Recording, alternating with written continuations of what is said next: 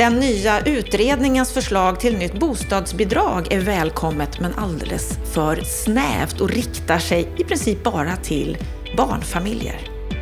Det är svårt att påverka rörligheten med ekonomiska verktyg. Där har Hyresgästföreningen rätt i sin nya rapport. Och allmännyttans förslag om förändrade P-normer, parkeringsnormer, de välkomnas. Och elbilsutvecklingen, den kräver också nytänkande. Den kräver stora investeringar. Det är mycket som händer på det här området. Och varje termin så är det samma visa när det gäller studentbostadsbristen. Här behöver universiteten tänka nytt. Det menar vår expertkommentator i veckans Aktuellt. Varmt välkommen till ännu en vecka där vi samlar det viktigaste som har hänt på den bostadspolitiska arenan. Jag heter Anna Bellman. Vi börjar veckans Aktuellt med den nya utredningens förslag till nytt bostadsbidrag. Ja, det är regeringens särskilda utredare Åsa Karlsson Björkmarker som menar att det behövs ett rejält omtag för att bryta trenden att allt fler barn växer upp i låg ekonomisk standard att underhållsstödet därför bör slopas och en statlig underhållsreglering istället införas och att bostadsbidraget ska ersättas med ett nytt stöd. Stefan Attefall, vad säger du om utredningens förslag till nytt bostadsbidrag? Att bostadsbidraget behöver göras om, det håller jag med om helt och fullt. Det är så, kan man säga, den stora förändringen skedde 1997. Då man drog ned också på stödnivåer och liknande saker. Sen har det justerats lite grann, bland annat alliansregeringen höjde flerbarns eller barnstödskomponenten i det här systemet. Men problemet med den här utredningen egentligen, det är att de tar ett familjeekonomiskt perspektiv enbart. Vi borde alltså se bostadsbidraget som ett bostadspolitiskt instrument. Det vill säga ett sätt att stödja hushåll som har höga boendekostnader och låga inkomster. Istället för att använda sig av ska säga, social housing-modeller som vi har ute i Europa. Där man försöker hålla ner hyrorna för vissa grupper av människor. Och det där perspektivet saknas ju i den här utredningen. De, de försöker omfördela inom någon slags familjeekonomiskt stödtänkande. Och det är som också eh, allmännyttan som kommenterar det här också, Sveriges allmännytta med Anders Nordstrand kommentera här också. Eh, han påpekar ju också att det finns ju också andra grupper än barnfamiljer som behöver ett förstärkt bostadsbidrag. Det finns ju en viss komponent också nu för eh, ungdomar, typ studerande som får höga boendekostnader. Men han pekar också på ja, gruppen exempelvis mellan 28 och eh, pensionärsåldern som inte har barn, men också har höga boendekostnader och svag ekonomi. Så att det är den stora kritiken jag har mot den utredningen, att den tar ett familjeekonomiskt perspektiv enbart och inte ett bostadspolitiskt perspektiv. Men att vi måste reformera bostadsbidragssystemet i grunden. Det är helt nödvändigt och låta det också kosta mer pengar än dagens eh, totala summor som avsätts. Kan det bli någon förändring när det gäller bostadsbidraget som vi har haft så länge och som egentligen har varit det enda verktyget? Alltså här, här är intressant, för här finns det alltså någon slags... Det finns ju två egentligen sakliga problem med bostadsbidraget. Det ena är om du har komponenter som kopplas till inkomst så kan det ju bli ska vi säga, höga marginaleffekter. Så när du ökar dina inkomster så sjunker så stiger skatten men så sjunker också bostadsbidraget och då får du alltså lite ska säga, lönsamt att gå från exempelvis ett halvdant betalt jobb till ett bättre betalt jobb eller från deltid till heltid och sådana saker. Alltså det är ekonomerna rädda för, att det blir för höga marginaleffekter. Och det finns en sån risk i varje sånt där bostadsbidragssystem. Men det finns det också med olika andra typer av bostadssociala eh, system som finns ute i Europa. Det andra är ju självklart också att det, det kostar statskassan eh, pengar. Det är ju en utgift, men det måste få kosta pengar. Och problemet är, tror jag, från socialdemokratin så är man lite rädd för den här typen av ska säga, lite behovsprövade bidrag. För man har ju idén om det här generella välfärdssystemet. Och på den borgerliga sidan så är man allmänt lite bidragsnegativa. Och därför blir det politiska låsningar i den här frågan. Alltså det är ingen som riktigt vill ta i bostadsbidraget. Men jag vill påstå att det är det enda ska vi säga, system som är någorlunda effektivt och som skulle kunna göra att vi fick ett stöd som riktar sig till grupper med svagare inkomster. Sen måste man ju bygga upp en bra kontrollfunktion. För det finns ju också risk att folk missbrukar det här systemet och skriver sig på, fel, på andra adresser och allt sånt där. Va? Men eh, det kan man säkerligen förstärka på olika sätt. Så att en bra kontrollfunktion ska också finnas med. Där har utredaren en bra detaljförslag här. Om man det här med att man får betala tillbaka om man får förändrad inkomst under året. Då man ska ju titta på vad är den faktiska inkomsten de här månaderna och bostadsbidraget följer det och inte efter någon slags, eh, ja om jag nu har, får en ökad inkomst på hösten, då kan jag få betala tillbaka det bostadsbidrag jag fick under våren när jag hade dålig ekonomi. Alltså det är sådana här tokigheter i systemet också. Så det finns flera bra saker i den här utredningen, men som sagt var, den stora bristen är det bristande bostadspolitiska perspektivet och för mycket bara ett familjeekonomiskt perspektiv. Och vad tror du då? Nu är det inte långt kvar till valet, utredningen har kommit. Får vi se något politiskt beslut under våren här? Ja, jag är tveksam. Eh, jag hoppas att det blir en fråga för valrörelsen. För jag tror att det här är ett av de bättre instrumenten man kan använda. Men utredningen kommer gå på remiss sen. Jag tror inte att det hinner hända så mycket. Möjligtvis om några partier börjar formulera någon typ av förslag eh, i valrörelsen som sen kan bli eh, verklighet efter valet. Eh, men som sagt var, återigen, det, det, partierna har ju också en säga, det bristande förmåga att sätta in alla de olika delarna i ett bostadspolitiskt perspektiv. Och det finns ju också en sån risk i här, eh, den här diskussionen. Jag hoppas, men jag är inte så jätteövertygad. Vi ska gå vidare till Hyresgästföreningens nya rapport Vem måste flytta på sig? Rörligheten på bostadsmarknaden som man nog kan säga har varit veckans snackis och fått en hel del reaktioner. Den här rapporten vill slå hål på flera av de myter som kringgärdar frågan om rörligheten på bostadsmarknaden. Den visar bland annat att rörligheten under 00-talet varit i princip oförändrad. Och den visar också att de reformer som genomförts under 2000-talet, som exempelvis ny lag för allmännyttan, avskaffad fastighetsskatt eller förändrad reavinstbeskattning, knappast har gjort någon skillnad för rörligheten.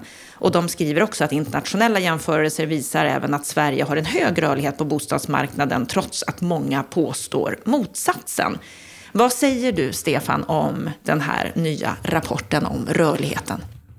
Ja, men det är en värdefull rapport för den innehåller en hel del statistik och jämförelser så som jag tror är nyttig för att fördjupa diskussionen.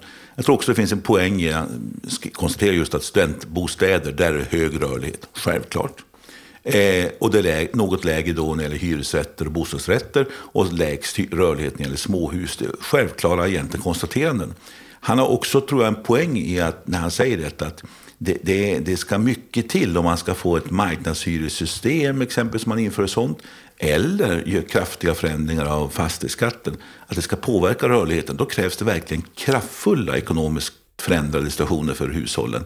Alltså den här tron att man på, med små förändringar ska få liksom loss stora eh, hyresrättsvåningar som eh, en och två personer bor i, som ska öppnas upp för en barnfamilj, eller får pensionärerna att flytta i en mass ifrån sina småhus därför att man har höjt fastighetsskatten något. Alltså, det stämmer inte. Man bor av så många andra skäl. Det visar ju alla studier att det är de stora livsförändringarna som orsakar flyttbenägenhet. Det vill säga när jag söker ett jobb, ska bilda familj, etablera på arbetsmarknaden, då flyttar vi mycket. Och likaså när vi självklart blir gamla och känner att nu måste jag förändra mitt boende. Jag orkar inte med min, mitt småhus, sköta om det eh, och så. Men, eh, och så måste det finnas något attraktivt att flytta till. Det är också det som är poängen när jag ska flytta på mig. Men eh, det krävs, ska du få folk att flytta av ekonomiska skäl, då krävs det kraftfulla ekonomiska eh, ska säga, eh, signaler. Och de tror jag knappast någon politiker riktigt vill ha. Därför att då tvingar du folk att flytta.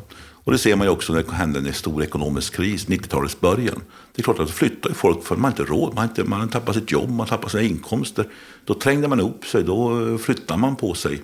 Eh, men det, ingen vill ha en sån station att folk ska flytta av tvång.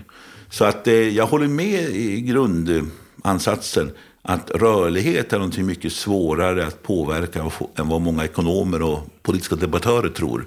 Eh, jag tror att man måste jobba mycket med attraktiviteten i vad man ska flytta till. Sen ska man, kan man alltid diskutera olika ekonomiska instrument, men att tro att de i någon större grad påverkar, det tror jag är tveksamt. Mm, så där håller du med Hyresgästföreningen. Men om vi då tittar på en debattartikel som Fredrik Kopsch skrev så menar han att det här är ett välkommet bidrag som Hyresgästföreningen gör men att en del av resonemangen behöver nyanseras. Och han menar att i den här rapporten så finns det som så många gånger i den här svenska bostadspolitiska debatten en outtalad premiss att ut, utfall ska vara lika för alla upplåtelseformer. Men varför skulle vi förvänta oss att rörligheten ser precis likadan ut för ägt och hyrt boende? Vad säger du om hans infallsvinkel här? Jag, jag upplever att Kopps eh, snarare kompletterar eh, Ragnar Bengtsson och Hyresgästföreningens rapport. Eh, så jag upplever inte att de riktigt egentligen talar mot varandra. Det som Kopps kanske mest kritiserade det är en del slutsatser. Eh, men eh, själva analysen och beskrivningen så verkar inte vara, finnas så stora skillnader mellan den ska säga, mer marknadsliberala Kopps och den mer hyresgästföreningskopplade Ragnar Bengtsson. Men sen kan man alltid diskutera eh, vad är rimliga mål och målsättningar? Jag uppfattar det ändå som att både Kopsch och Bengtsson Eh, tycker att vi ändå har en hyfsat hög rörlighet i Sverige eh, och jämfört med andra länder. Sen kan man göra olika saker för att eh, öka människors vilja, förmåga. Jag menar, exempelvis så säger Ragnar Bengtsson att vi måste ha mera, bygga mer. För att kunna. Och det är självklart, har du bostadsbrist så kommer du också att få svårare att flytta. Finns det inte lediga lägenheter? Om jag som exempelvis ung får ett attraktivt jobb i Stockholm och flyttar dit, har inte stått under bostadsköer, inte har mycket kapital, men jag har ett bra jobb på gång. Att jag inte får ta på en bostad, det är klart att det är ett problem. Eh, nyproduktion kan vara ett sätt eh, att eh, skapa den här tillgången. Andrahandsuthyrning likaså. Eh, det finns många olika saker man måste göra för att hjälpa till att öka rörligheten. Men det finns inte en quick fix eller en skruva på den ekonomiska ratten så kommer allt att lösa sig.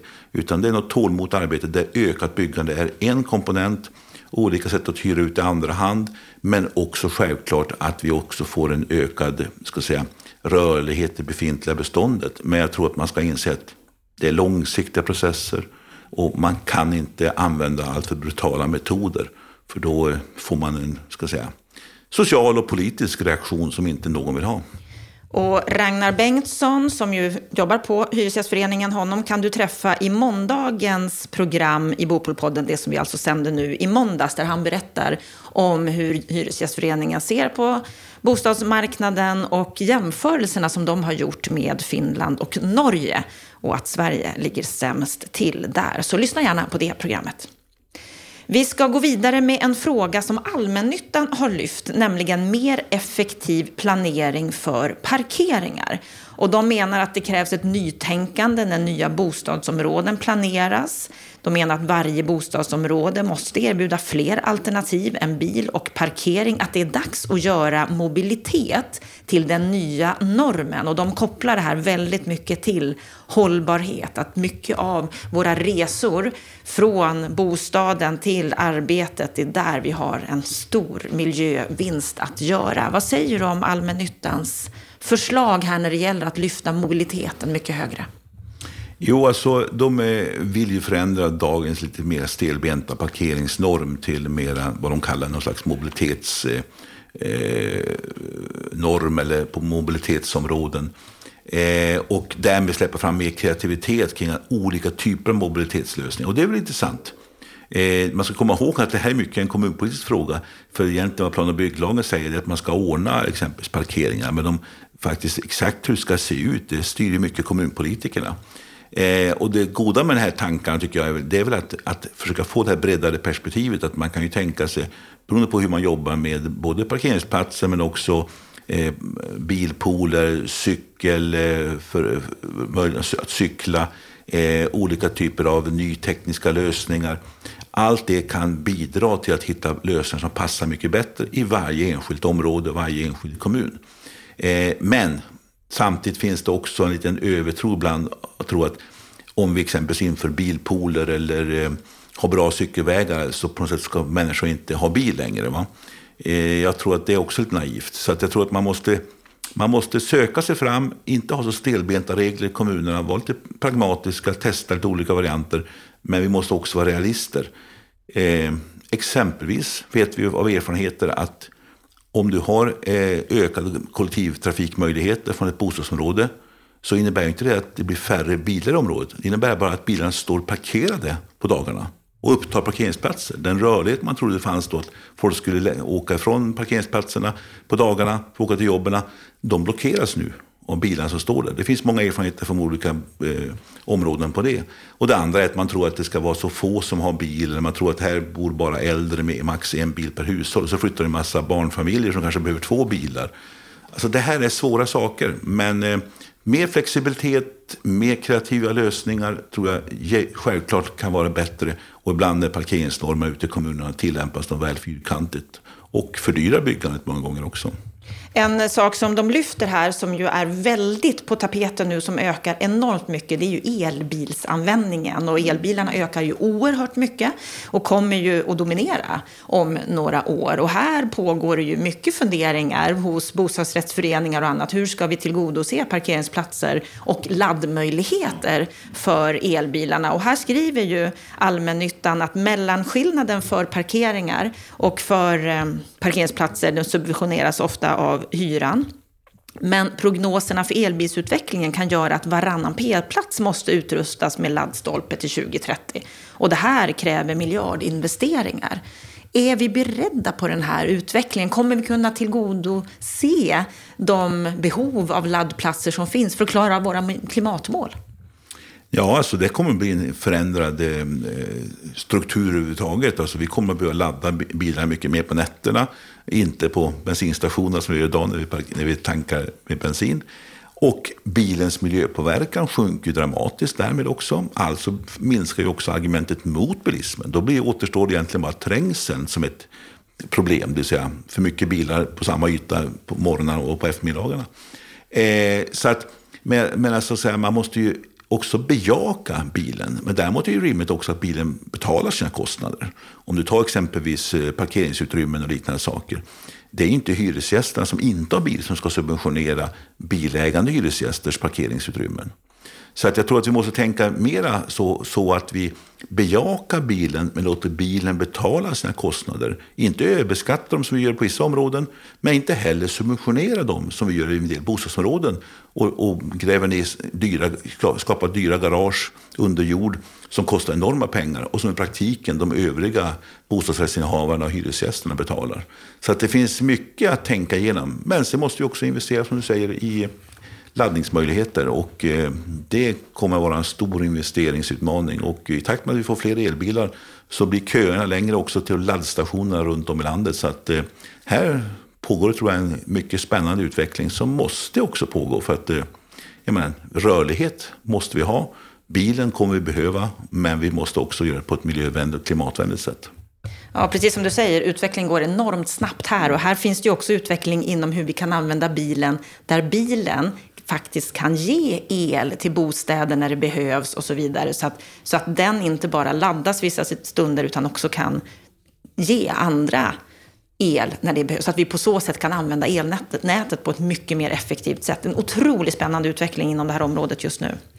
Vi ska gå vidare, för i måndags, 17 januari, så började ju vårterminen för majoriteten av Sveriges studenter. Och då kommer samma fråga upp år efter år. Vi har representanter för, från Sveriges fyra största studentstäder som skriver i, i en debattartikel i Aftonbladet att samma fenomen upprepas år efter år, terminstart efter terminstart, nyantagna studenter som inte har någonstans att bo. Och de uppmanar, ta ansvar för bostadskrisen, ministrar. Ja, just det. Och den där artikeln kommer varje terminstart. Eh, när jag själv var bostadsminister så planerade vi olika debattartiklar just på höstkanten där vi talade om allt som vi gjorde för att främja studentbostadsbyggandet. Alltså det där är en evig cykel. Jag tror att man skulle behöva göra några eh, grepp. De efterlyser ett investeringsbidrag. Det avskaffas ju vid årsskiftet eh, för hyresrätter. Jag tror att man skulle försöka skapa en politisk överenskommelse där man faktiskt eh, inte har investeringsstöd generellt, men just för studentbostäder. Det är det ena. Och få en bred partipolitisk överenskommelse och få slut på det här hattandet fram och tillbaka, alltså, vilket är förödande. Och det andra är att man måste också på universiteten börja fundera på varför tar vi in alla studenter vid samma tidpunkt? Det skapar, för vi har ju också problemet på i mars-april, då har vi lediga studentrum på alla våra större universitetsorter. Så att eh, det här är ju egentligen någon konservativt tänkande. Varför måste alla kurser börja i augusti och några stycken i januari? Varför kan man inte börja mycket fler i januari, men också mitt i terminerna? Då skulle du sprida ut den här typen av problematik. Och du skulle också göra mycket lugnare och därmed skapa bättre förutsättningar för alla att hitta en bostad. För många löser sina bostadsbrister efter den här första tidens turbulenta eh, ska säga, jagande runt, runt. Så egentligen bostäderna finns, men de utnyttjas inte optimalt därför att kurserna börjar inte under året, utan bara vid vissa tidpunkter. Det är en del av problemet. Men sen är det också brist på, på bostäder, särskilt de här mindre, nära universitetsområdena. Så att vi måste bygga också en del fler. Men vi måste också nyttja beståndet bättre och framförallt slippa det här kaoset som uppstår när man snabbt ska hitta en lägenhet och så bor man på soffan hos någon och så håller man på och åker runt. Och sen efter kanske två, tre månader så hittar man en bostad, åtminstone en hyfsad bostad. Eh, och där kan tror jag universiteten tänka i nya termer också, men eh, det är konservativt släkt, även de.